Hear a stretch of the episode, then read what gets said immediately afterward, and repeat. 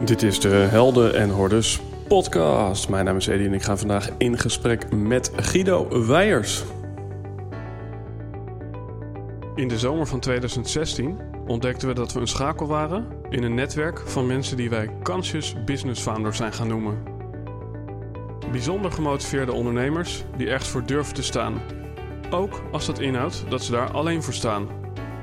Die 200% toewijding willen geven voor 1% groei en zeggen: Dit ben ik en dit is mijn bijdrage aan een meer gebalanceerde wereld. Helaas kon je niet bij al deze gesprekken aanwezig zijn. Daarom hebben we die bijzondere verhalen voor je samengebracht in deze podcast. We wensen je veel luisterplezier, maar belangrijker nog, we hopen dat jij de volgende stap gaat zetten in jouw avontuur. Alright, ladies and gentlemen, een nieuwe oude aflevering. Want wat blijkt, deze aflevering was als video gepubliceerd, maar nooit eerder als audio. Ik wist dat eigenlijk wel hoor. Maar ja, sommige mensen die hebben deze aflevering nog niet gehoord, al dan niet de meerderheid. Waarin ik in gesprek ga met Guido Weijers. Een hele toffe aflevering waarin we niet over goede grappen en grollen praten, maar waarin we ook ingaan op onder andere de kracht van taal. En taal is zeg maar echt Guido's ding en ook echt mijn ding. Dus er rollen wat quotes over tafel in deze podcast.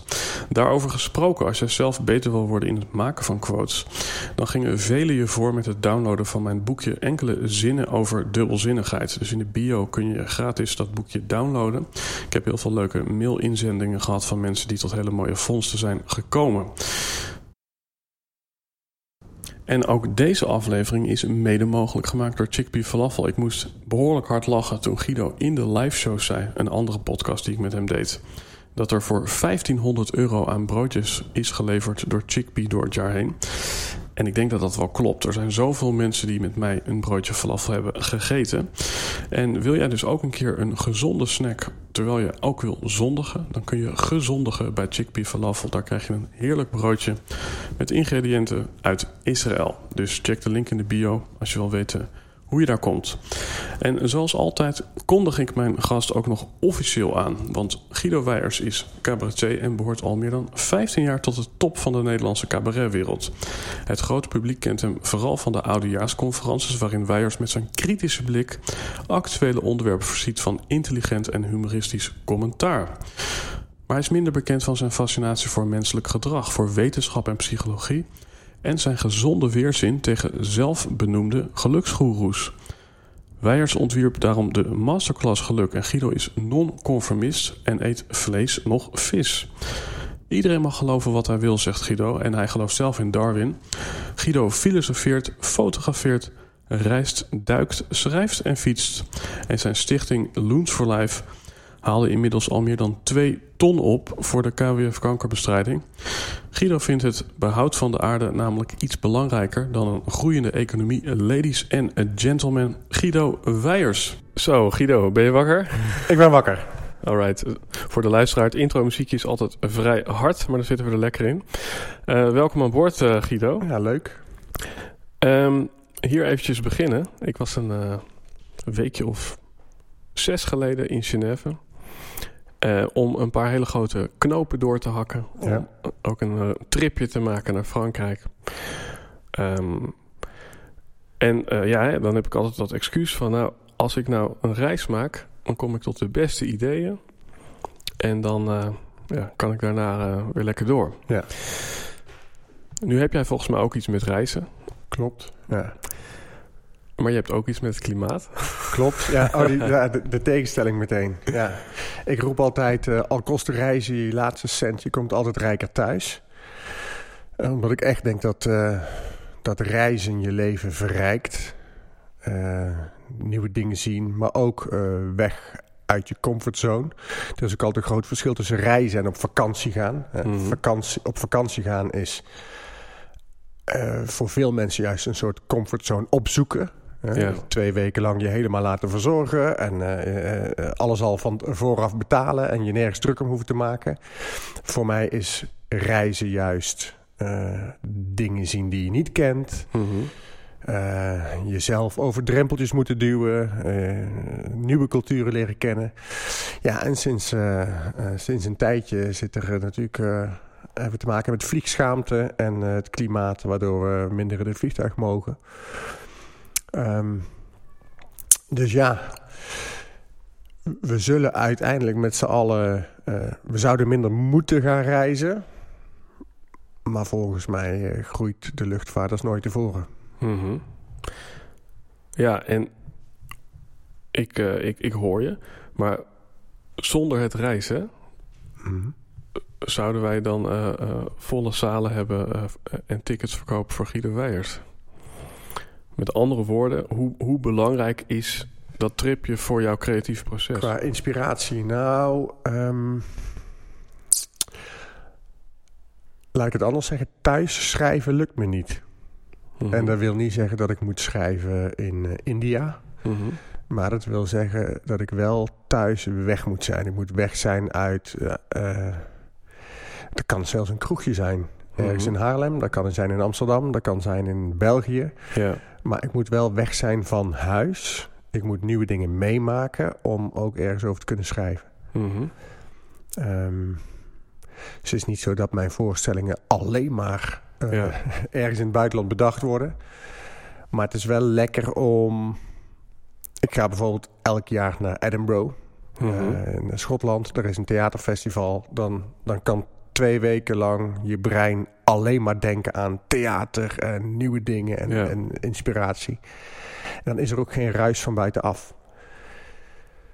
Dus ja, hoe belangrijk zouden er shows zijn? Ja, er, zouden zeker wel shows zijn. Ehm, alleen het schrijfproces gaat wel sneller als ik eventjes Mhm. weg ben. Ja, want ik zit te denken hè, en dan eh, gaan we eventjes, eh, wat is het, 60 jaar terug of zo, Toon Hermans. Ja. Weet je, ik bedoel, die, die komt niet uit die generatie.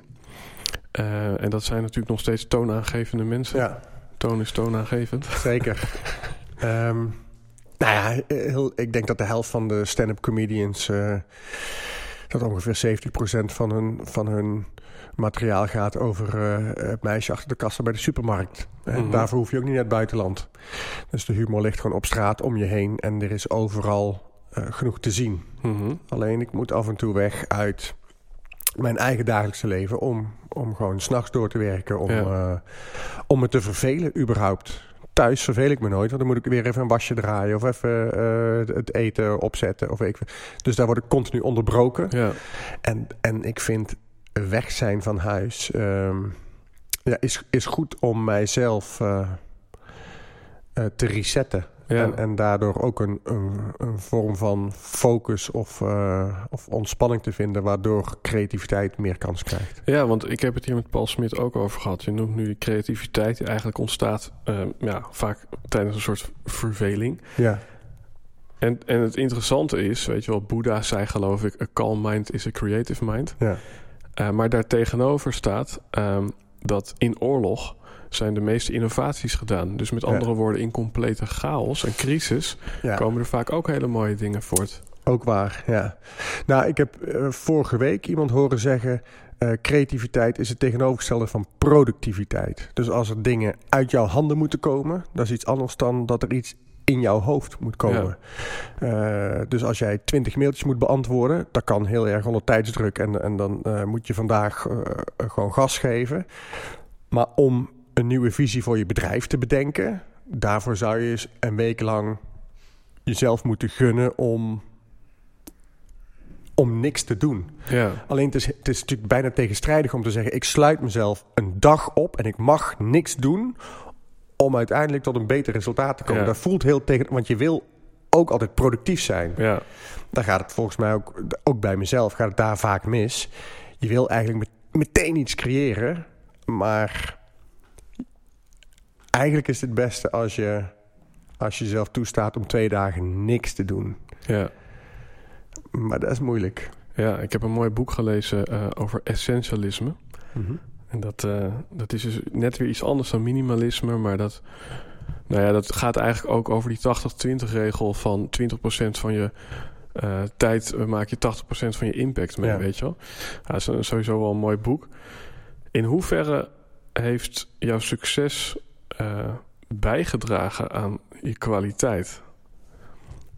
Of is het zo omdat je weet, nou ja, ieder jaar moet er toch weer een conferentie Mhm. of een show komen. Dat je daardoor denkt, nou, daardoor is er juist te weinig van die, van die rusttijd. Waardoor ik misschien, als ik niet succesvol was, zou je dan uh, beter werk maken. Meer tijd hebben om een betere show te schrijven. Oh, ja, um, ik moet ook wel zeggen dat, dat, dat vragen ze altijd zodra ik een oudejaarsconferentie maak. Vind je het dan niet moeilijk dat je uh, met de ingrediënten van dat jaar iets moet doen? En ik, ik vind die beperkingen ook wel, die werken voor mij wel goed. Dus als ik kaders krijg, en dat kan ook een deadline zijn of zo, dat, dat zorgt er wel voor dat ik beter presteer. Mhm. Ik denk dat als ik echt, uh, uh, als de zaal niet nu al volgeboekt was voor volgend jaar, kwam ik misschien ook wel gewoon mijn nest niet uit. Ja. Dus het is voor mij wel lekker dat er toch een bepaalde druk achter zit. Of, een, of, of je het nou succes noemt, of gewoon een bepaalde deadline. Uh, dat er iets van je wordt verwacht. Dat vind ik eigenlijk wel lekker. Ja, ja en dat is een, zo rollen we mooi door. Uh, ik heb een TED-talk gezien over uh, the difference between paying attention and asking for attention. Mm -hmm. Weet je wel, we leven natuurlijk in een tijd waarin je constant kan kijken van nou, hoeveel likes heb ik op dit ja. moment. En paying attention is wat jij nu eigenlijk doet. Uh, je luistert naar mij met ja. onverdeelde aandacht. En in hoeverre is dus, want nu zeg je eigenlijk hè, dat dat grote publiek dat draagt eigenlijk bij aan, uh, uh, ja, aan mijn proces, aan mijn ja. creativiteitsproces. Maar in hoeverre is het niet ook een soort ja, verborgen agenda uh, om toch die likes te willen vangen?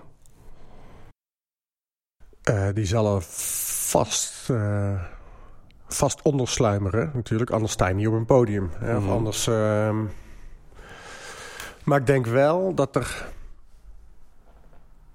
Ik wil hem niet ontkennen. Mm Ik vind het namelijk ook niet lelijk.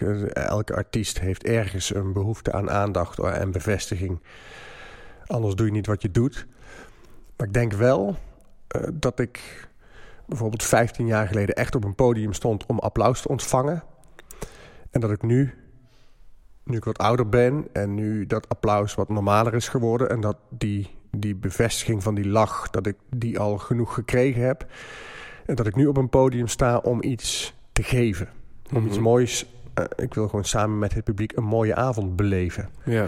En natuurlijk is het ook het eigen belang. Want ik vind het altijd fijn om op korte termijn gewoon... Uh, ja, heel simpel, als je applaus ontvangt... dat zorgt gewoon voor stofjes in je lichaam. En daar word ik ook gelukkiger van. Mm -hmm. Maar de, dat het publiek naar huis gaat... en dat mijn voorstelling blijft plakken mm -hmm. bij het publiek... dat had ik misschien 15 jaar geleden iets minder belangrijk gevonden. Ja. Um, maar dat, dat is nu dat is op dit moment wel hetgene dat mij drijft. Ja. ja, dat is wel mooi. Ik heb ooit iemand het verschil horen duiden tussen uh, uh, bekend zijn van of beroemd zijn om. Ja. En dat beroemd zit heel erg in het ego. En het bekend zijn is dat jij misschien een bepaalde message meegeeft. Ja. Uh, waardoor mensen thuis misschien niet eens aan Guido denken, maar wel aan wat je ze hebt gegeven. Ja. Nou, ik vind het, ik vind het uh, ook altijd mooi om te ervaren. Um, er is altijd een heel groot verschil tussen mensen die bij mijn voorstelling zijn geweest. Want die weten dat ik tijdens mijn voorstelling ook filosofisch ben. En dat er altijd een boodschap in mijn voorstelling zit. En mensen die mij kennen van tv. Ja, zo. Want als ik ergens in een item bij Boulevard uh, uh, kom... dan staat er altijd onder, uh, met zo'n slechte woordspeling... lachen Guido brullen. He, zo, weet ik dat soort dingen. Ja, ja. Dus denk ik, oké, okay, het imago dat ze daar in die twee minuten wegzetten... is helemaal niet wat Nee. mijn voorstelling in zijn geheel is. Maar dat is wel uh, wat mensen op een gegeven moment van je denken. Ja. Dus ze denken gewoon, Guido, dat is lachen, uh, lachen gieren, brullen. Terwijl uh, ik, ik zelf door de jaren heen steeds meer ben veranderd... en steeds meer de diepte in ben gegaan eigenlijk. Ja, want het interessante is inderdaad wat ik nu van je krijg, is die combinatie van die twee werelden. En ik heb hier ook met Patrick Kikker gezeten, en die ken jij ook. Mm -hmm. Maar Patrick, die heeft die twee werelden eigenlijk niet gecombineerd. Dus er zijn echt mensen die volgen hem op, uh, op, op, Ja. de, op de vulgaire grappen. Ja. En er zijn mensen die volgen hem op de diepzinnige gesprekken over spiritualiteit. Ja, is, is, is, dat, is dat ook echt een missie van jou om die twee zoveel mogelijk te combineren? Um, nee, het is, het is geen missie. Het is gewoon onontkoombaar. En dat is bij Patrick Kikker ook. Alleen het is uh, naar de buitenwereld toe is het extreem moeilijk om te laten zien dat je twee verschillende dingen doet. dat je mensen heel hard kunt laten lachen, maar dat je ook, ook best een slimme gast bent. Ja. En bij Patrick Kik is dat ook zo. Men het gaat helemaal over non-dualiteit. En, en, en alles is één energie uh, die zichzelf subjectief waarneemt. En tegelijkertijd verstuurt je elke dag foto's met slechte grappen uh, ja. uh, rond op appgroepjes.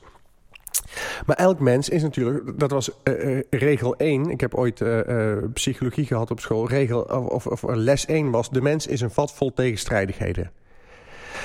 Alleen tegelijkertijd kunnen. Dat, dat, ja, wij kunnen, als we iemand twee minuten zien op televisie, hem maar indelen in één hokje. Ja. En dat is of uh, entertainment of uh, een nerd. Ja. Maar de, allebei wordt al moeilijk. Ja, je hebt die mooie drietrap hè, van entertainment, educatie en emotie. Ja.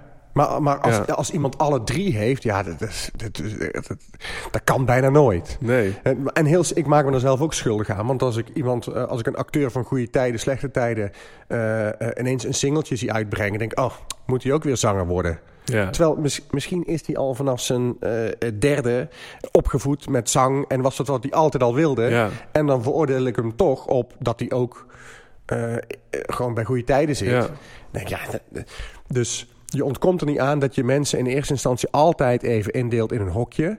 Tegelijkertijd is, is het heel gek als, als het leven van iemand maar uit dat ene hokje zou bestaan. Mijn Ja, leven is ja. meer dan alleen maar uh, mensen laten lachen. Ja.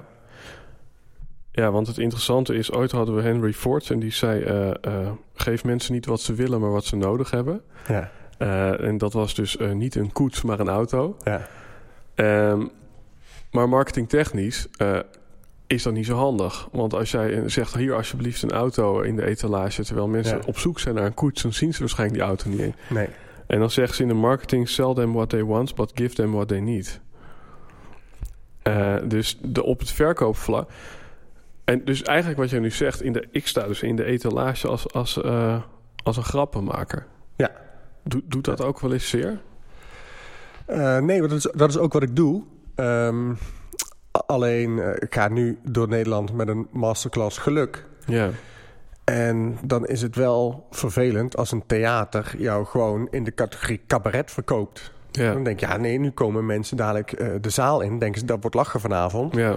En er zit ook wel wat humor in. Want ik, maar je moet mij... Ik heb nu iets anders gemaakt. Het is gewoon een theatercollege. Ja. Het is wel een theatercollege met humor.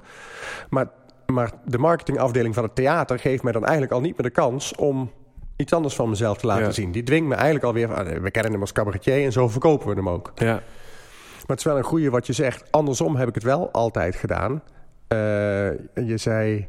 Uh, Sell them what they sell want. them what they want and give them what they need. Um, mensen die...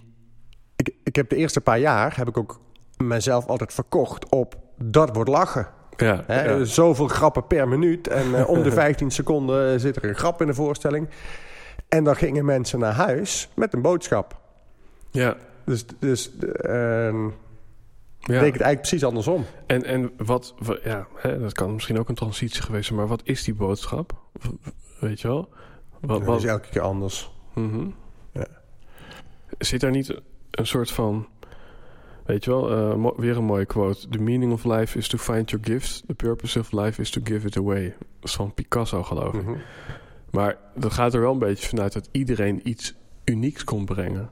Ja. En wat, en wat komt Guido brengen in het landschap van cabaret? Als je dat vergelijkt met misschien een Hans Steeuwen of eh, Martijn Cardol... die hier ook een keer aan tafel heeft gezeten. Ja, ik, ik weet niet of ik iets kon brengen of uh, dat ik uh, mensen. Ik vind het misschien leuker als mensen. Wat, wat ik prettig vind is als mensen na de voorstelling nog nadenken en napraten over wat er gezegd is. Mm -hmm. En um, ik kan me voorstellen als je bij een voorstelling bent waarbij uh, het alleen maar gaat om entertainment. Mm -hmm. Dan heb je anderhalf uur keihard gelachen en dan ga je naar huis. Dan heb je een leuke avond gehad Ja. en dan vraagt ze de dag erop van... Uh, goh, hoe was het? Ja, keihard gelachen. Oké. Okay. Ja. En ik merk bijvoorbeeld bij die, uh, bij die masterclass geluk nu... dat mensen na afloop in de foyer allemaal aan het praten zijn over het onderwerp geluk. Dat ze allemaal aan elkaar Ja. aan het vragen zijn: wat, Ja. wat is dan voor jou geluk? Of, of, wat- of vond je dat hij daar gelijk in had of niet? Mhm. dus ik hoef volgens mij niet per se antwoorden te geven, maar ik vind het ook leuk om vragen te stellen, waardoor mensen zelf eh, nog aangeslingerd worden, waardoor ze, mensen zelf actief Ja. eh, ergens mee bezig gaan. Ja, en dat, en dat is het mooie inderdaad. Want weet je, als ze zeggen er zijn twee smaken ijs, consumeren of produceren. Ja, Eh, er zat er ook een keer iemand aan tafel die zei wel mooi: voor ieder uur dat je consumeert, moet je een uur produceren voor straf. Weet je Ja. wel? Dat vond ik wel mooi. Maar eigenlijk, mensen gaan misschien, als je dan hebt over what they want, ze willen Ja. een uur consumeren. Ja. Maar zonder dat ze het doorhebben, zitten ze misschien een dag daarna een uur te creëren op basis van alle ideeën. dat is mijn doel. Ja. Ja. Ja. En ehm, ja, wat ik ook wel interessant vind, eh, je, je zegt enerzijds heb ik dat, dat stukje lachen wat ik eigenlijk bied. Ehm, maar anderzijds ja, heb ik die masterclass geluk. Ja. Maar zit ook een beetje aan de kant van de vrolijkheid. Maar eigenlijk is het een vrij serieus onderwerp. Geluk. Ja, Ja. Ja, iedereen wil het, hè? Iedereen, iedereen eh, is tegenwoordig wanhopig op zoek naar geluk. En als je niet gelukkig bent, dan heb je gefaald in je leven. Zo wordt het Ja. eh, in deze tijd een beetje weggezet. Heb jij, heb jij zelf wel eens, als we nu even iets meer inzoomen op Guido. Heb, heb jij zelf, eh, hè, want Paul zegt altijd mensen veranderen door pijn of passie. Heb jij zelf iets meegemaakt waarvan je denkt, toen ontstond echt een intrinsieke interesse in het onderwerp. Hoe word ik nou in godsnaam gelukkig? Nee. Het, eh, ja, het zou marketingtechnisch gezien echt het beste zijn om eh, zelf depressief geweest te zijn. Ja, En nu eh, dan te weten hoe je gelukkig moet worden of zo. Mhm. Maar dat is bij mij allemaal niet aan de orde geweest. Ehm, ik weet wel dat ik, dat ik echt al vanaf mijn vijftiende, zestiende extreme ehm, interesse heb in persoonlijke ontwikkeling. Mhm. Toen las ik al eh, Tony Robbins en eh, ja, toen eh, Wayne Dyer met eh, Oh, ja. Niet morgen, maar nu of zo. Ja. Of, eh, en, eh, en dan later volgen ook de Deepak Chopra's en al die andere eh eh, goeroes. Dus ik vind, dat, ik vind het altijd heel interessant om de beste versie van jezelf te worden. Mhm. Ehm, alleen de laatste paar jaren noemt iedereen zich in één keer coach. Ja. En denkt iedereen eh, die een paar van die boeken gelezen heeft... dat ze het ook door kunnen geven. ja, En dat was, dat was voor mij een soort moment dat ik dacht... ja, als, als we nu iedereen wijs gaan maken... dat geluk zit in, in één uurtje mindfulness in de week... Mhm. of in twee uur yoga in de week... dan vind ik het interessanter om de wetenschappelijke kant van geluk eens eh, uit Ja. te pluizen... en gewoon eens te vertellen hoe het echt zit. ja, En dat klinkt natuurlijk heel eigenwijs. Eh, dus ik vond ook dat ik dat dan wel moet kunnen staven met, met feiten en met onderzoeken. Dus toen ben ik eh, eh, wel naar de Erasmus gegaan. eh, een paar modules gevolgd. De grondslagen van geluk en het rendement van Mhm. geluk. En ik ben naar Bhutan gegaan om daar mensen van de regering te spreken... om te kijken hoe zij daar het bruto nationaal geluk hebben geïntroduceerd Mhm. zodat ik in ieder geval nog enige, enig recht van spreken heb. zeg Ja. maar. En, en hoe gelukkig ben jij? Want ik heb je ook wel eens horen zeggen... eigenlijk alles wat ik wil worden, dat, dat ben ik al. ja, ik ben al wat ik later wil worden. Maar ik kan me ook voorstellen in Paulse termen... dat het dan heel nihilistisch wordt. Dat je denkt, ja, eh, maakt ook niet uit als ik vandaag in bed blijf liggen. Ja. wat, wat, is, wat is het doel van persoonlijke ontwikkeling? De beste versie van jezelf worden... als je eigenlijk al ja, aan, de, aan de top van de berg staat... in, in, in, in jouw eh, kinderdroom, zeg maar. Ja. Eh, nou, er zit wel iets in mij dat ehm, de top van de berg, dat zou je dan mijn carrière kunnen noemen. Maar dat wil niet zeggen dat als je eenmaal bovenaan staat, dat, dat dan je drijfveer weg is. Ik vind het ook leuk om volgend jaar de zaal weer vol te hebben. Mhm. En dat hoeft niet per se een grotere zaal te zijn. Maar die interesse van mij is naar steeds grotere zalen eh, veranderd naar steeds meer impact hebben op mensen. Ja, Ehm, daarbij is humor nog steeds wel mijn middel. ja, Ehm, maar, maar mijn intrinsieke drijfveer is, is een beetje veranderd.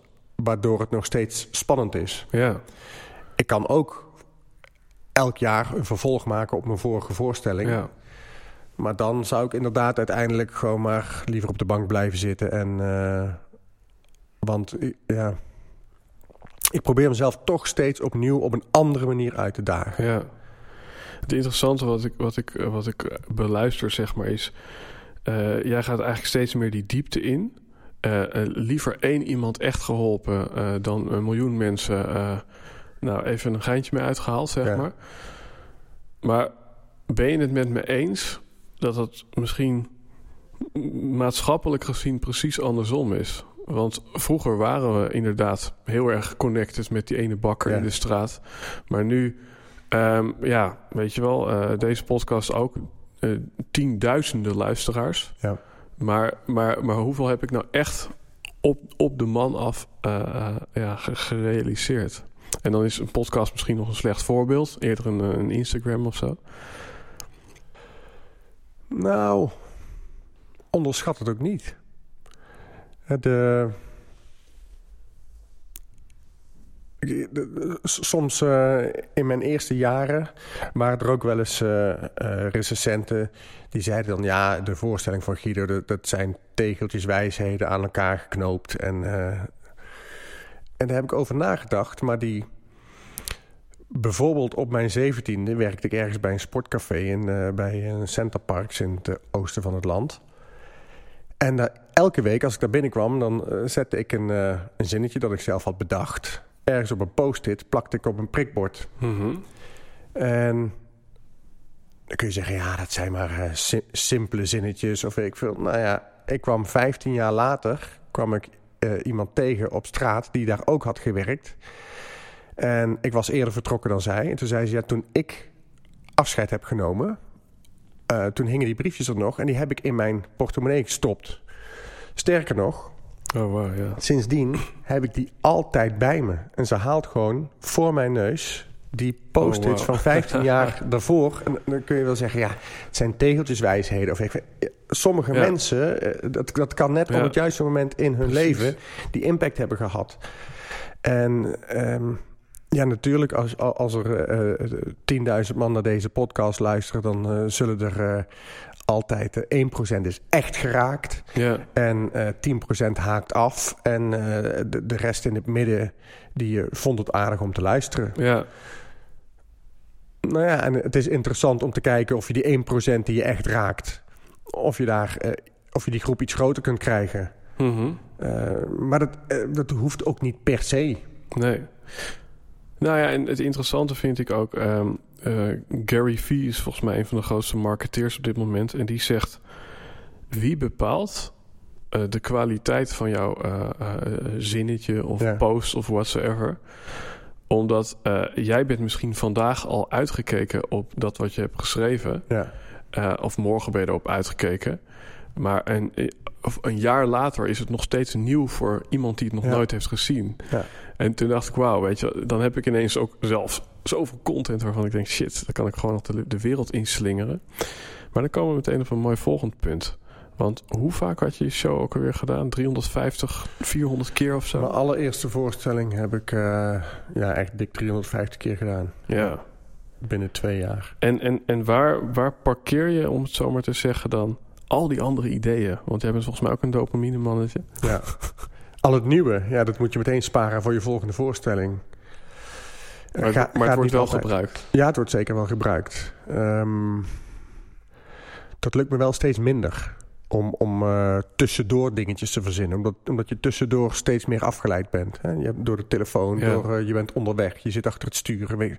Dan verzin ik wel dingetjes, maar dan kan ik het niet meteen opschrijven. Ja, Of als je s'avonds in bed ligt, dan eh, weet je, als je vrijgezel bent of je bent student, weet, dan schrijf, ga je meteen om drie uur s'nachts uit bed, schrijf je het op. ja, En nu denk je, oh, moet ik even goed onthouden als ik morgenochtend wakker word. ja. ja. Gone, natuurlijk. Ja. Dat, dat, dan, je wordt de ochtend wakker en je denkt, wat was het nou ook alweer? Ja. Dus ehm, Dus een app voor. ja, er is een app voor. Ja, Eh, Brain Toss of zo. Ja, ja, ik heb hem zelfs. Oh, lachen. Ja. Ehm, maar het is ehm, alles wat je bedenkt. Het is wel, het is, eh, ik vind het wel interessant wat je zegt, wat voor jou alweer. Wat je al ooit bedacht hebt, kan voor degene die, hem, die het voor de eerste keer hoort, altijd wel weer nieuw zijn en weer eh, toch een inzicht geven. Of het hoeft niet altijd per se een nieuw inzicht te zijn, maar het kan Mhm. ook gewoon de juiste woorden eh, om, om een gevoel te beschrijven of om, eh, om iets duidelijk te maken. Ja. Ehm, ik moet ook even eh, denken aan Peter Pannenkoek. Die was ooit een keer bij College Tour, geloof ik. Ja. En toen zei hij, en toen keek hij een beetje net zo'n muur als wij hier naar zo'n muur kunnen kijken. Hij zegt: Volgens mij heb je drie niveaus van uh, cabaret en daar succesvol mee zijn. Het eerste is dat je gewoon een soort regelneef slash uh, mensenmens bent. Mhm. Weet je wel, dan zorg je gewoon dat je met een vlotte babbel overal binnenkomt. Het tweede is dat je een hoge mate van discipline hebt. En het derde is dat je Hans Steeuwen bent. Ja. met andere woorden, je hebt een soort outspoken talent. Ja. Uh, en wie van de drie is het meest Guido?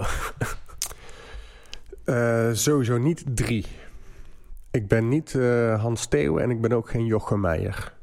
Dat zijn twee mensen waarbij ik zelfs ook de eerste voorstelling heb gezien. Uh, Hans Theeuwen ergens in 1996 of zo met zijn solovoorstelling. 120 man in de zaal. En ik zat daar en toen dacht ik, ja, deze, deze man zit echt tot zijn wenkbrauwen vol met talent. Het kan niet dat dit mislukt. Mm. Uh, en bij Jochem Meijer heb ik een keer uh, hetzelfde gezien. ergens in een zaaltje voor 80 man. Niemand kende Jochem Meijer. Hij had een maand geleden daarvoor Groningen gewonnen of zo. Ik dacht, ja, dit wordt heel Dit kan niet, dan, het kan niet Mhm. anders dan dat dit heel groot wordt. Um, ik heb zelf, ik moet zelf wel echt werken. Mhm.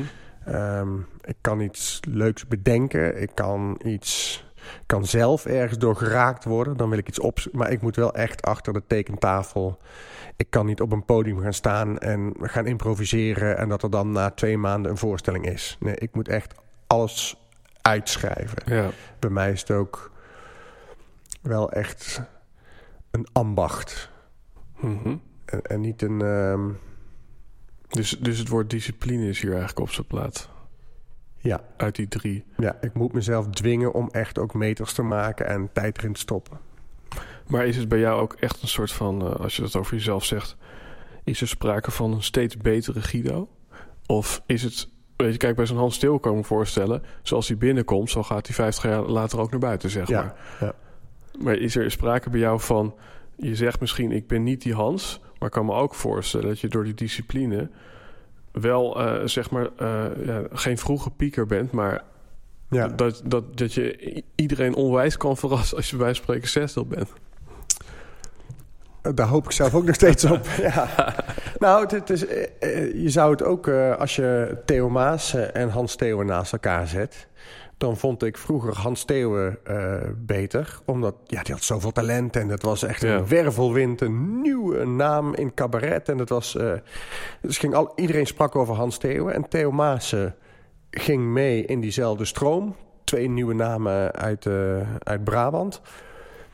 En langzaamaan vind ik dat Theo Maas heeft zichzelf ontwikkeld. Mhm. Die vind ik steeds beter worden. Um, en Hans Theeuwen is een beetje hetzelfde gebleven. Ja. Ja, en ik, ik hoop uh, dat, ik, dat ik iets meer in de, in de lijn van Theo Maassen lig. Ja. En het, is, het gaat natuurlijk vanzelf dat uh, ik ben het podium opgetrapt eigenlijk uh, toen ik 23 was. Mhm. Nou, het is niet heel gek dat je tussen je 23ste en ik ben nu 42... dat, er, dat je in die 19 jaar uh, jezelf ontwikkelt als persoon. Ja. En dat je kijk op de wereld uh, wat, wat, iets, iets zwaarder wordt... of iets, Ja. uh, iets, meer, iets meer body krijgt. Uh, ja, en Hans Theeuwen was twintig jaar geleden een, een, een onvoorspelbare, geniale gek. En dat is het nog steeds. Ja, ja. Ja, en, en da daarmee ja, dan kom je ook een beetje op het klassieke verhaal van het jongetje op, op school wat geniaal was. Ja. Uh, hij werkt nu uh, uh, ergens in een horeca-tent. Ja. Weet je wel? En, en, het, en het jongetje wat eigenlijk altijd net aan zesjes haalde... die, die rijdt nu in een of andere Tesla rond of zo. Ja. Ja. ja, waarschijnlijk zit je er allebei net niet, denk ik dan. Nee. Ja. Geniaal misschien wel in de zin van intelligentie. Dat krijg Nou, ik wel van je. Ik ben iets eh, bovengemiddeld, boven gemiddeld, maar dat, eh, iedereen die de HAVO heeft gedaan eh, is al boven gemiddeld, geloof ik. Dus, ja, ja. We hebben het nu eigenlijk over, over helden. En uh, vind ik een interessante vraag, helden en hoorders, naam van deze podcast. Ehm, ja, mijn eerste vraag zou zijn: wie is op dit moment echt een held voor jou? En dat hoeft niet eens iemand in de cabaretwereld te zijn. Hmm. Ja, held in welke zin? Ik vind het... Ik ben echt wars van autoriteit. Dus ik, ik kan heel slecht werken onder een baas. Mhm. Ik ben ook, eh, toen ik altijd bijbaantjes had eh, in mijn studententijd... zo heel vaak weggegaan. Dat, ik, eh, dat kon ik niet goed met de... Of, of ik wilde dan de positie van die baas... of ik moest gewoon weg. Ja. Dus, ik- dus ik ben niet goed in tegen mensen opkijken. Ik kan wel heel erg genieten van het talent van mensen. Ja. Ehm, de, ja, wie is dan een held? Ik vind het wel eng om mensen een held te noemen. Ik vind sowieso dat een held... Een heldenstatus... die krijg je pas nadat je hebt geleden. Als je, Ja, als je niet, ja, zonder precies. lijden zijn er geen helden. Eh, dus ehm, ik kan me voorstellen dat mensen Jezus Christus een held vonden... want die heeft geleden en daardoor is hij Ja. zo uitgegroeid. En Johan Cruijff, die, eh, eh, die moet... Die moet ehm, dat is nu een, een, een held, maar stel dat hij in zijn leven nooit ziek was geweest. Dat het hem alleen maar voor de wind was Ja. gegaan. Dat hij eh, zonder moeite te doen eh, de beste voetballer van de wereld was geworden. Dan is het voor mij nog... eh, Bij Ja. een held hoort ook wel altijd een struggle of zo. Ja. Die moet bovenkomen. Wie is dan een held? Ja. Nou ja, sommige mensen die ziektes overleven of zo. Die Mhm. echt keihard aan het strijden zijn daarvoor. Mhm. Dat vind ik vaak eerder helden. Ja, wat interessant is, we stellen deze vraag vaak en dan roepen we daarna wat je zegt bij jezelf. Want Ja. de neurowetenschap leert ons dat je eigenlijk alleen maar eigenschappen van jezelf dan noemt. Ja. Eh, jij noemt eigenlijk nu een soort van niet echt iemand. En tegelijkertijd zegt dit ook wel weer iets over jou. Weet je wel, omdat, eh, omdat ik zie jou ook echt wel als, als, als, als one of eh, us, zeg maar, weet je wel. Ja. En volgens mij, het, het vrienden worden met Guido, dat is volgens mij ook wat, wat jou, jou aantrekkelijk maakt in jouw shows. Dat je, Ja. dat je niet een soort van op een totaal ander level staat, maar mensen kunnen zich relateren aan jou. Dat is volgens mij Ja. een van jouw kwaliteiten. Ik ben een cabaretier van het volk. Dat is eigenlijk wat je zegt. hè? Ik denk het. Ja, dat, maar dat, dat is wel meteen ook grappig. Dat heb ik mezelf ook eh, eh, bedacht. Stel dat ik zo'n masterclass geluk ga doen en ik ga door het hele land. Om welke reden zouden mensen naar mij toe moeten komen? Mhm. Ze zien mij als vriend.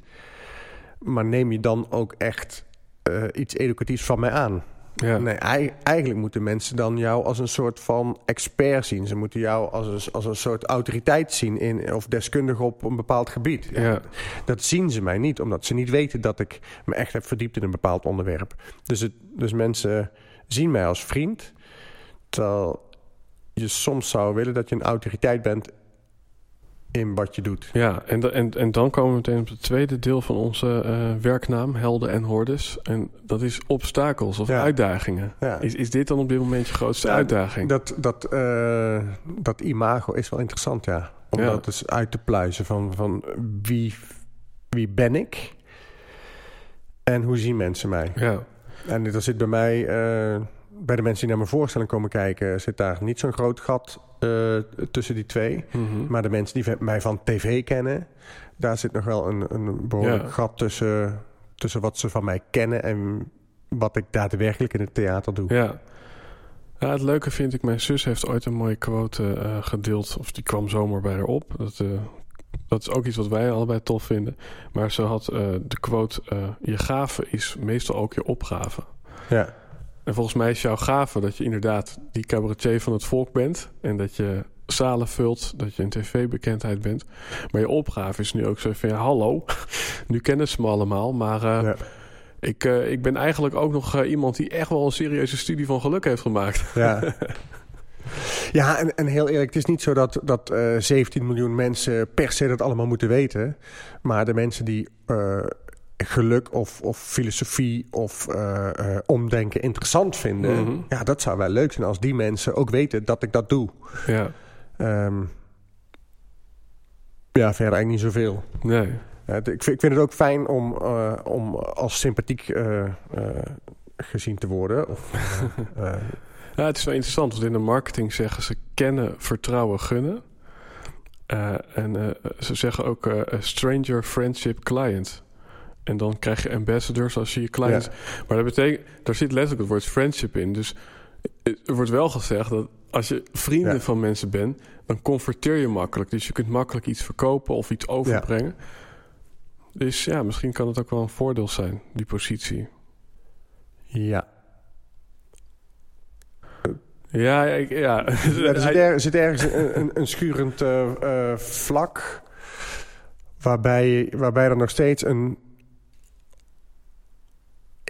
Ja, ja ik, wil, ik wil ook wel... Ik ben ook on, een ontzettende pleaser. Dus ik, ben ook, ik wil ook wel heel graag vrienden zijn met iedereen. Mm -hmm. Letterlijk. Um, wat zou jij gedaan hebben? Sorry, ik onderbreek misschien, maar... Wat zou jij voor beroep hebben als je geen cabaretier was geworden?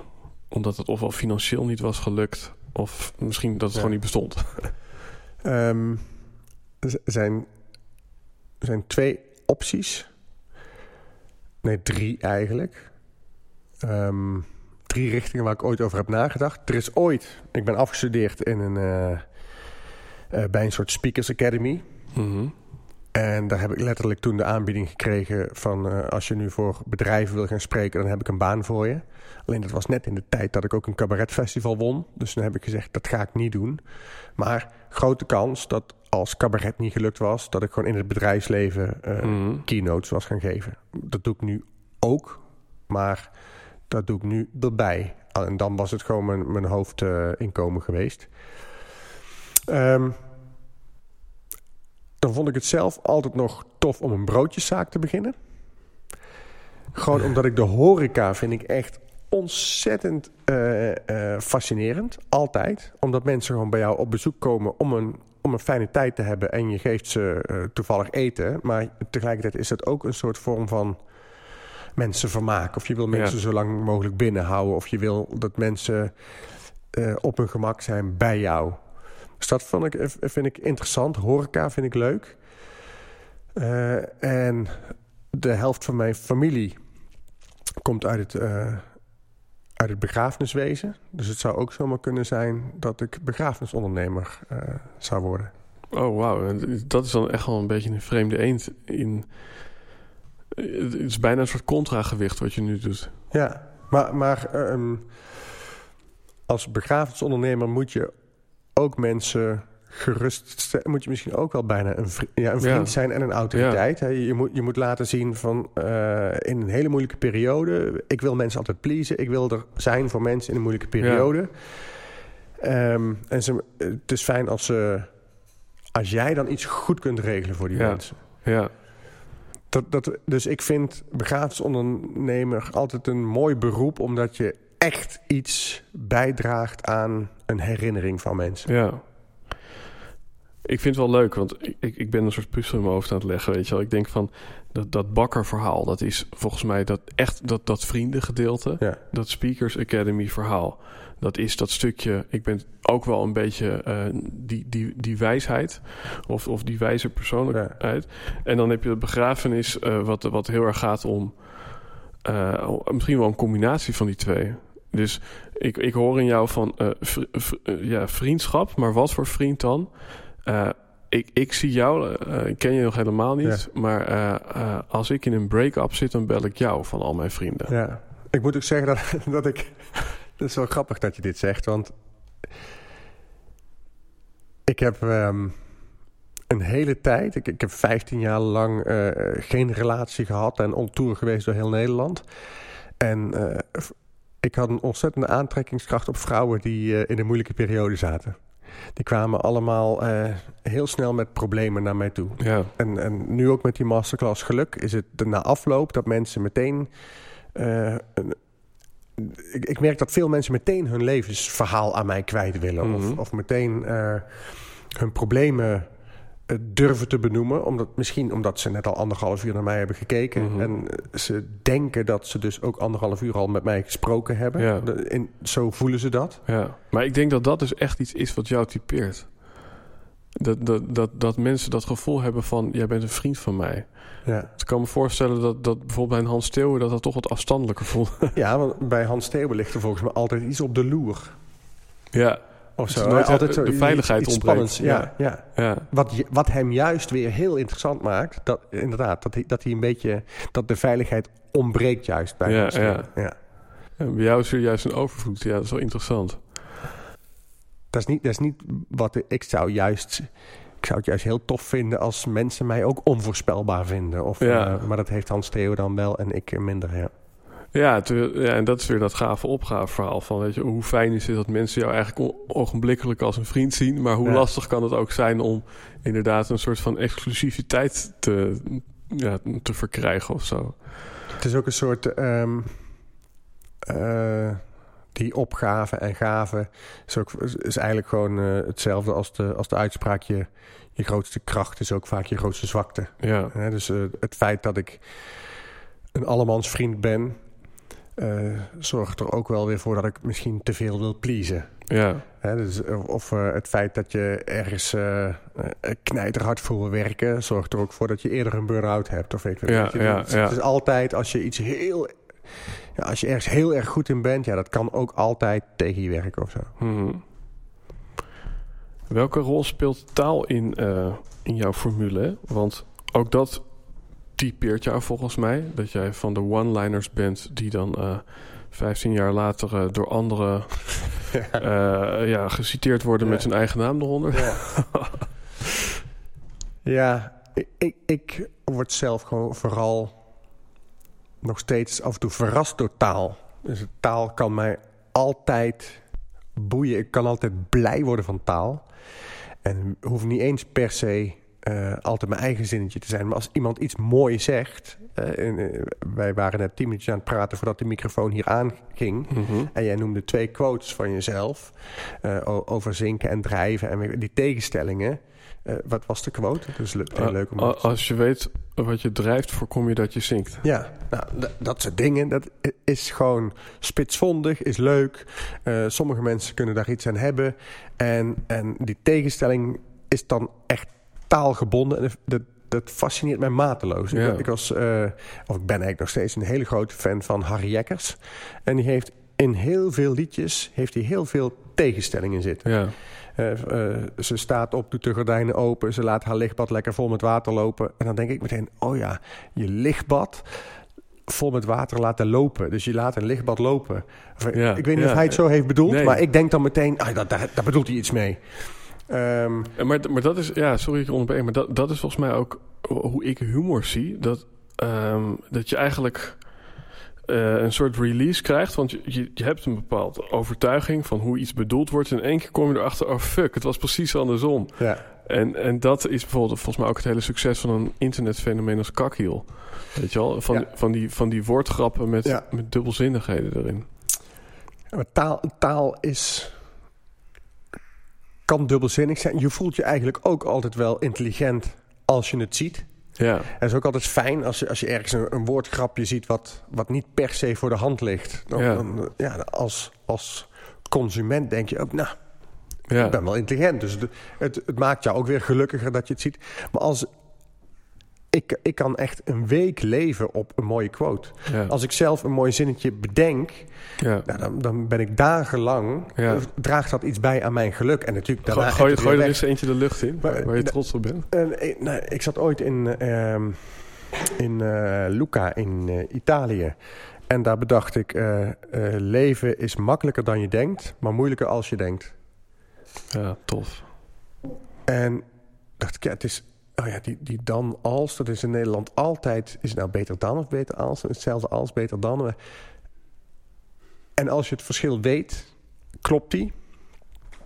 Als je het verschil niet weet, denk je, wat een kutquote. Ja, Ja, dus, dus, maar voor mij voelt het of, of eh, eh, in 1999. eh, toen maakte ik mijn tweede oudejaarsconferentie. Gewoon nog in amateur, op amateurniveau. En ik huurde gewoon zelf een zaaltje af. Maar toen had je in 1999 de, de millenniumwissel. Hè, dus we gingen van 1999 naar, naar het jaar 2000. Dus dan had je Mhm. meteen de voetballer van de eeuw.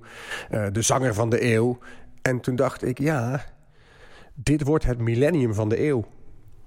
ja. En die, dat, dat kan niet. Hè? Het is hetzelfde als, eh, als eh, dit is de mooiste week van de dag. Maar doordat het niet kan, vind ik het dan lekker klinken. Ja. En daar, daar word ik echt blij van als ik zoiets bedenk. Ja, ja. En eh, het was zomaar een zondag midden in de week. Ja, dat, dat kan niet. Maar, maar, maar iedereen weet wel wat je bedoelt of zo. ja. Dus dat, ah, dat, daar word ik blij van. Maar ik word er ook blij van als iemand anders hem verzint. Want ik kan als, eh, als Agda en de Munniken eh, denk, schrijven... als je bij me weggaat, mag ik dan met je mee? Mhm. Denk, verdorie zeg. Als je, Ja. als je dat... Als je, als je die zin bedacht hebt, dan heb je voor de rest van je leven vrij. Hè, dan heb je gewoon iets zo briljants. Tenminste, ik vind dat, dat... En dat kan voor iemand anders kan die zin helemaal niks betekenen. En misschien... En, maar ja, ik kan dan echt drie dagen blij zijn. Ja, en, Ja. En, en soms, en dat is, en dat is die, die awareness die jij dus blijkbaar hebt. En ik denk dat ik die ook heb. en Misschien wel een heleboel mensen. Maar zo, laatst zei ik iets, maar het was blijkbaar een quote zonder ik het Ja. door had. En dat ik zei zo van ja, als je altijd maar vooruit gaat, dan kom je nooit thuis. Maar dat is heel letterlijk. Ja. Dan kwam ik later pas achter. Ik Maar het leuke is, jouw quotes die je nu eigenlijk allemaal noemt, Ja. die kunnen eigenlijk allemaal niet. Nee. Eh, en daardoor zijn ze heel chill of zo. Ja, of ze zeggen wel eens... eh, eh, Frank Boeien, jij bent nooit verder gekomen dan dichtbij. ja, Ja, ik vind dat mooi. ja. Weet je, ik kan dan... Ik, kan ik echt... Nou, niet jaloers, maar dan kan ik echt...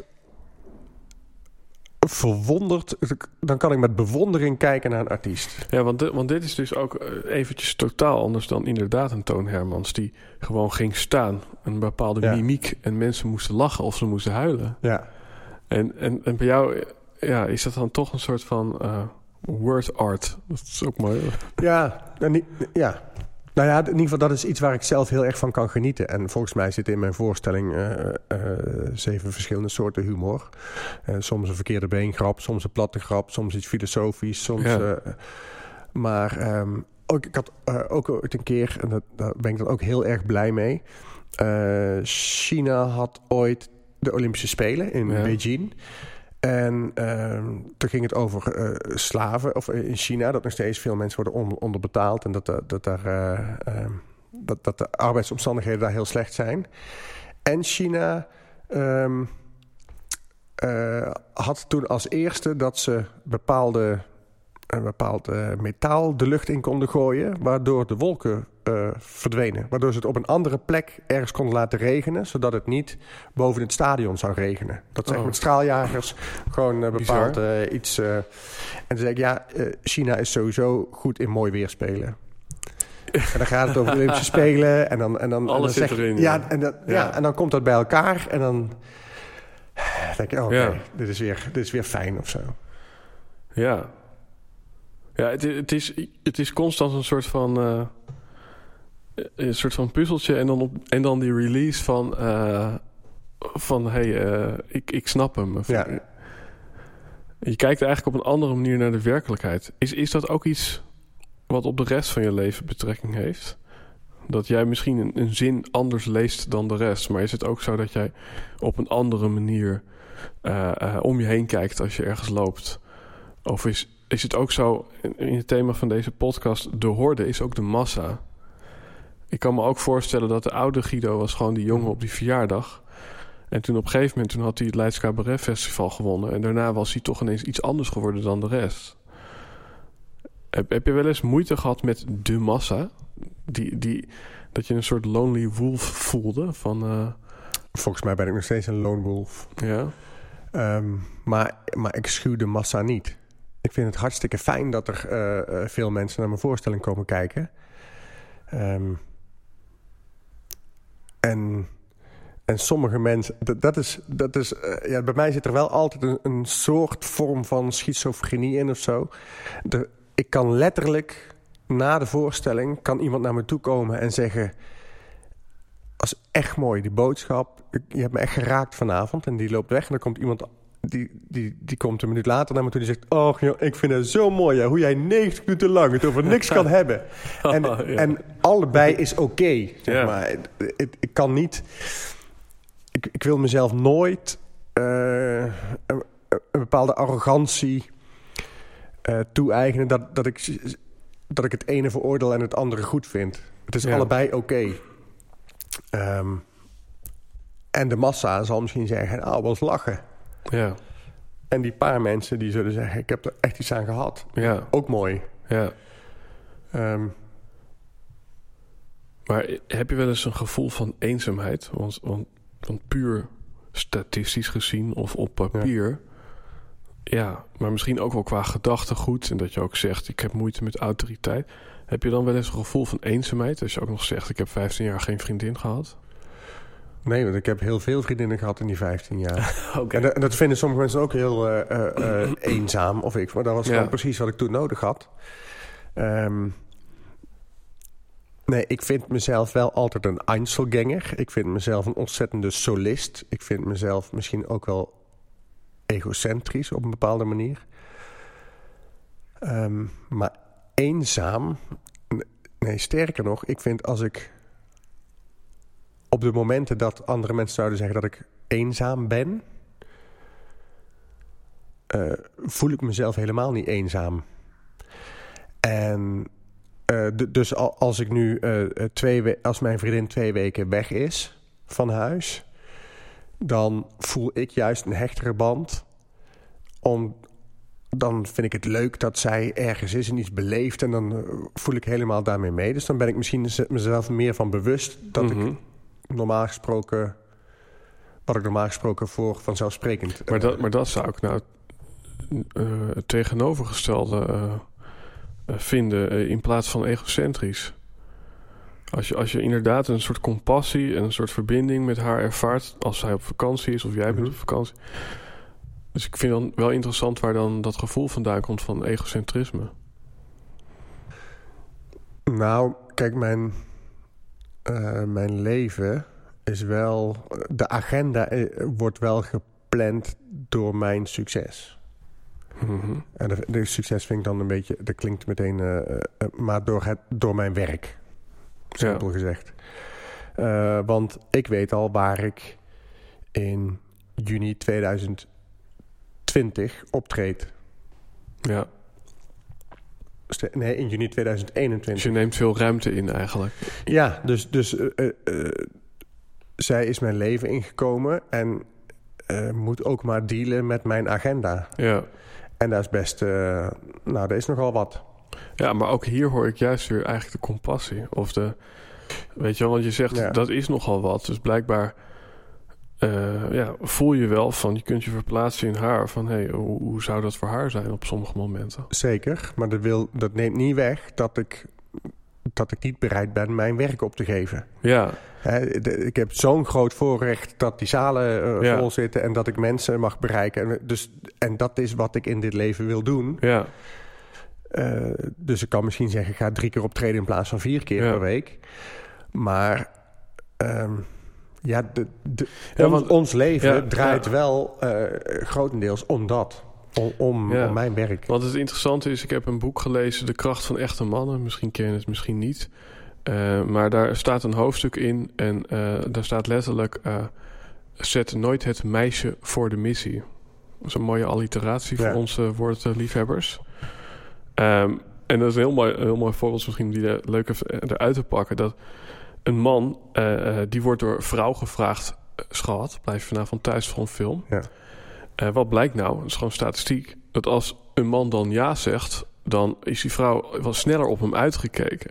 Want, want in de oertijd wilden ze dat die man dan nee zei, omdat hij Ja. zei: Nee, schat, I'm on a mission. Ja. Ik moet namelijk zorgen dat Ik moet eten, halen. voor Ja. het gezin. Dus, dus sowieso is dat, nou, dan leer je een beetje hoe, hoe een vrouw communiceert. En maar, maar eigenlijk, wat je zegt, dat, dat, dat ja, is volgens mij biologisch gezien ook wat de meeste vrouwen, en niet iedereen misschien, Mhm. maar de meeste vrouwen juist eh, prefereren. Klopt, maar, ehm, of klopt, dat, eh, dat zal zo zijn. Nou, denk ik wel dat ik daar 15 jaar geleden beter in was dan nu. Eh, want 15 jaar geleden had ik veel meer honger. Dus moest er veel meer eten komen. Mhm. En eh, maakt niet uit welke vrouw bij me komt staan. Het podium is het belangrijkst. Ja, En dat is waar ik voor ga. En, eh, maar ja, ook dat wendt. En eh, ik heb heel veel mogen doen. En eh, Carré en het Ziggo Dome en alle zalen in Nederland ken ik wel een beetje. En wat ik nog niet ken, is een vaste relatie. Ja. En ik ben nu vier jaar met dezelfde vrouw en ik vind het nog steeds superleuk. Ja. En dus voor mij, eh, voor mij en dat, dat, is, dat is de struggle eh, bij ons allebei, wij vinden het gewoon veel te leuk om bij elkaar te zijn. Ja. Dus, ehm, eh, dus daar heeft werk wel wat onder te lijden. Ja. Nou ja, dat, dat, maakt dan, dat maakt dan dat ik tegen mezelf moet Ja. zeggen: ja, nu moet ik werken, ik moet nu acht uur lang Ja. niet bij jou zijn. Desnoods ga ik eventjes weg en ga ik Mhm. op een andere locatie zitten. Of ik, want anders vind ik het gewoon te leuk om bij haar te zijn. Ja. Geef ik, geef ik, wil ik haar aandacht Maar ik geven. kan me ook voorstellen dat het samenhangt met dat je eerder hebt gezegd van nou, eigenlijk alle dingen die ik wou doen, die heb ik wel ongeveer gedaan, eh, die ik ooit op mijn bucketlist had staan. Ja. Is er van jou, en zo rollen we een beetje naar het einde van deze podcast, is er iets van een, een legacy, een, een nalatenschap wat je, wat, je, wat je al aan het creëren bent? Hè? Dus ik kan me ook voorstellen dat je zegt, nou, eh, de meeste mensen die denken dat ze heel wat zijn, maar eh, iemand zei het laatst mooi van, toen Prince overleden was, eh, toen hadden we het 24 uur later er al niet meer over. En dat als zelfs hij, zeg maar, na Ja. 24 uur al vergeten wordt. ja, en Prins wordt vergeten omdat hij volgens mij... of intussen staat hij misschien wel op Spotify. Eh, maar toen hij overleed... toen waren zijn rechten... hij heeft altijd gedoe gehad met Sony en met Universal geloof ik... of zo, over rechten. Dus niet al zijn liedjes stonden op Spotify. Oh. Dus hij kon ook niet meteen overal gedownload worden en overal teruggeluisterd. Terwijl Prins natuurlijk wel verdient om tot in lengte der dagen overal altijd... Komt er, toch nog, komt er toch nog even een held aan het eind van deze podcast? Hoor. Ja, Prins... Nou, weet je waarom Prins ook... Als je aan mij zou... eh, Want je had eh, dan eh, Madonna en Michael Jackson en Prins vroeger. Dat was, was Mhm. in mijn tijd. Ik ben 42, dus ik kom uit de jaren 80 ben ik opgegroeid. En dan had je Prins, Madonna en Michael Jackson. En ik ben wel eens bij een concert van Madonna geweest. Dat was een prima show. Ik ben... eh, veel entertainment, één statement. Ik ben ook wel eens bij... ehm, eh, bij, een, eh, bij een show van Michael Jackson geweest. Nou, ik denk dat die elke dag die show 1 uur 42 minuten en 13 seconden duurde. Dat Ja. was extreem geregisseerd. Ja. Wel, nou ja, muzikaal wel heel goed. Het was alleen een van de eerste concerten in de Amsterdam Arena. Dus ik heb het Ja. hele concert twee keer gehoord. Want het galmde als een, als een eh, ik weet niet, hoe het, al- als een arena. En Prins... Ja, Prins loopt gewoon het podium op. En dat is dus de Hans Steeuwen. Mhm. Die heeft gewoon talent. Die, eh, die zegt tegen zijn band: We gaan dit nummer spelen. Hoe lang het duurt, weet ik niet. ja. Dus, en dat is iets wat ik zelf niet heb. Ik kan, ik kan eh, een show maken die 1 uur 42 minuten en 13 seconden duurt. Maar ik kan niet wat Prins kan. Dus daarom vind ik, bewonder ik Prins heel erg. Want die, ja, ja. die is, dat, dat is nou echt talent. ja. Dat is niet alleen maar hard werken. Nee, dat is gewoon. En als Prins eh, zijn voorstelling klaar heeft, dan komt. eh, ik heb een keer in de Brabanthal in Den Bosch gestaan. En toen eh, zei hij na, na, nou, ik denk 25 minuten toegift. Iedereen dacht, waarom blijft die toegift maar gaan en gaan? Toen zei hij in één keer, ladies and gentlemen, a very big hand for a good friend of mine, Mr. Lenny Gravitz. En toen kwam ineens Lenny Gravitz nog binnen. en toen was het al half elf. En toen, toen speelde Lenny Gravitz nog 20 minuten met hem mee. En toen eh, eh, ging daarna het licht uit. En dan zeiden de dames en heren, eh, Prins speelt zometeen nog verder in het paard in Den Haag of zo. En dat gaat, dan gaat hij daarna nog drie uur s s'nachts... Begint hij nog in Den Haag met spelen. Ja. En dan speelt hij tot vijf uur s ochtends. Die man loopt over van talent, wil niks anders doen dan dat. ja. Is waarschijnlijk ook een ontzettend rare snuiter. Maar ook een held. Ja. Ja. En ik vind het interessant, want je zet nu eigenlijk iemand soort van in het zonnetje omdat hij iets kan wat jij niet kan. Maar je kan ook zeggen, voor hem is het dus een soort van nulwaarde om gewoon goed werk te leveren. Dus misschien is zo'n Michael Jackson die daar wel discipline voor moest opbrengen, of een Madonna die daar nog meer discipline voor moest Ja. opbrengen, is dat misschien nog wel knapper of bewonderenswaardiger. En dat is dan misschien een Ja. compliment wat ik aan jou geef. Dankjewel. Ja. Ehm, Willen werken voor wat je bereikt. Ja, en, en we hadden het net nog even dus over legacy, want zo kwamen we hier. Van, is er iets Ja. wat je wil nalaten of waar je al stiekem al mee begonnen bent? Ja, dat vind ik, vind ik wel eh, heftig. Ehm, ik, vind, ik hou heel erg van mezelf. En ik vind mezelf heel leuk. En ik vind de dingen die ik maak ook af en toe... er zit af en toe best wel goed spul tussen. Maar ik vind mezelf niet belangrijk. Dus ik heb niet de illusie dat als ik eh, morgen mezelf in de vangrail snij... dat mensen dan eh, over twintig jaar nog al mijn voorstellingen uit hun hoofd kennen. Mhm. En dat hoef ik niet. Ehm, maar ik zou het leuk vinden als ik mezelf morgen in de vangrail snij... dat er wel nog ergens iemand in Nederland eh, eh, twintig post-its eh, in de portemonnee heeft zitten... omdat ik haar of hem ooit geïnspireerd heb. Ja. En dat hoeven geen miljoenen mensen te zijn. Maar als je, als je iets... Ik, ik heb in mijn eh, voorstelling over geluk... heb ik een quote zitten. Sommige mensen die dragen iets bij... en die laten daarmee iets na op deze wereld. En andere mensen op deze wereld die laten het na om iets bij te dragen. En Ja. ik hoop dat ik, hoe klein ook, iets bijdraag aan deze wereld Ja. dat ik de wereld. eh, eh, dat de wereld leuker of mooier of gelukkiger is met mij dan zonder mij. Mhm. Ik wou je nog een vraag stellen, maar ik ga het hierbij laten. Omdat ik denk van, volgens mij... Ik wou je namelijk vragen, en dan ben ik nou, dan ben je waarschijnlijk nieuwsgierig. Ik wou je vragen als er een billboard langs de weg staat... waar iedereen voorbij tuft... en je mocht er één van je quotes opzetten... Ehm, wat, wat zou je mensen dan willen meegeven? Nou, nu vraag ik dus eigenlijk toch. Maar dat, ik vond net een heel mooi eh, woord. The world would be a much better place if we didn't take ourselves so fucking seriously. Ja. Mooi. Ik weet niet of dat hem uiteindelijk zou worden, maar dat is wat me nu invalt. Ja. Of, of ik, nee, ik vind een vraag misschien leuker. Dat zei ik in het Ja, begin. Hè. ja. Ik vind het leuker eh, om, Mhm. om een an- eh, mensen hoeven aan het eind van de voorstelling niet een antwoord te hebben, maar misschien een vraag. Ik zou misschien op dat billboard zetten. Ga je de rest van je leven dingen doen die je verstandig lijken of dingen doen die je leuk vindt? Ja. Dilemma. Dilemma op, eh, Ja. op, op woensdag, nu we dit En- opnemen. En dan, en dan eh, schop je het brein van mensen eventjes eh, Ja. in de war. Of, of, of je, en dan hoop ik dat zo'n zinnetje blijft plakken en dat mensen erover na gaan denken. Ja. Ja.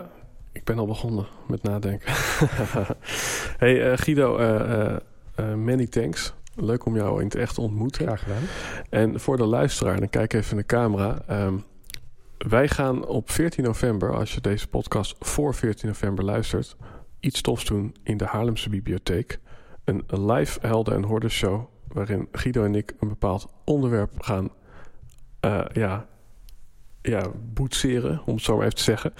Wat het onderwerp precies wordt, dat hoor je later. Eh, maar dat vind je wel in de show notes van deze podcast. Spannend. Dus als je in de show notes kijkt, dan heb je een speciale kortingslink. eh, omdat je luisteraar bent van deze show. En dan weet je ook meteen wat het onderwerp is. Ja, en 14 november gaan we dan antwoorden geven, maar ook vragen stellen. ja het is interactief. Er is ook een Ja, microfoon dat, in de dat zaal. mensen gewoon Ja. echt... eh, dat het blijft plakken. Ja. Dus eh, eh, to be continued. En dit was nog maar het begin. Ehm, Guido, waar kunnen mensen jou vinden? Als je één plekje nu op dit moment wilt delen met mensen. Uh, GuidoWijers.nl En Mhm. daar staat een hele tourlijst waarmee ik in 2000, waar ik in 2020 te zien ben met mijn masterclass geluk. En dat is eh, zowel voor eh, ondernemers als mensen die wanhopig op zoek zijn naar geluk, als mensen die al heel gelukkig zijn. Eh, iedereen is welkom.